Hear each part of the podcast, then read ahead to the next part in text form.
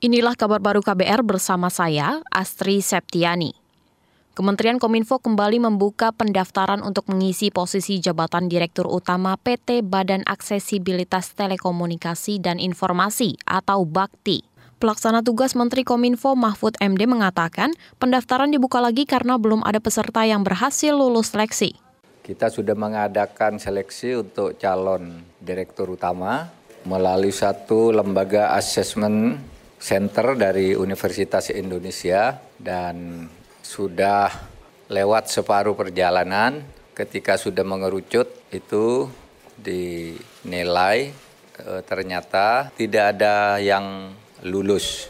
Tidak ada yang lulus untuk jabatan direktur utama. Pelaksana tugas Menteri Kominfo Mahfud MD menambahkan, para ahli atau profesional tidak perlu takut mengikuti seleksi termasuk takut akan disangkut pautkan dengan kasus dugaan korupsi pengadaan tower BTS 4G. Mahfud menegaskan, kasus yang diduga melibatkan bekas Menkominfo Joni G. Plate itu sudah ditangani secara hukum. Sebelumnya, penjabat Direktur Utama PT Bakti kosong setelah Anang Ahmad Latif ditetapkan tersangka korupsi BTS 4G. Saudara, belasan ribu jamaah haji Indonesia sudah diterbangkan ke Arab Saudi pada hari keempat penyelenggaraan haji. Dari jumlah itu, lebih dari 11.000 jamaah sudah tiba di kota Madinah untuk melaksanakan sholat 40 waktu atau arba'in.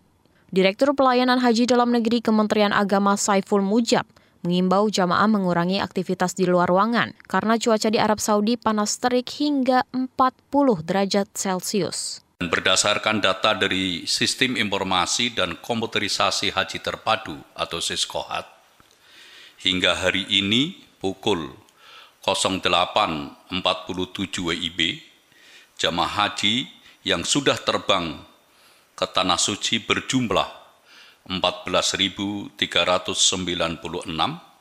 atau 37 kelompok terbang. Direktur Pelayanan Haji Dalam Negeri Kementerian Agama Saiful Mujab menambahkan, jumlah jamaah yang masuk asrama haji hari ini berasal dari sejumlah embarkasi, antara lain Aceh dan Medan. Selanjutnya kita beralih ke informasi pemilu. Kabar Pemilu. Kabar Pemilu.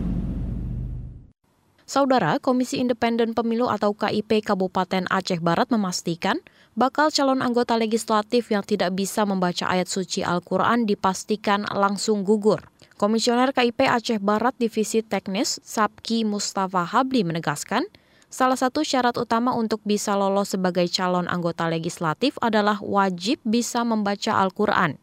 Ketentuan ini mengacu pada keputusan Komisi Independen Pemilu Aceh tentang kemampuan membaca Al-Quran bagi bakal calon anggota DPR Aceh atau DPRA dan anggota DPR Kabupaten Kota DPRK.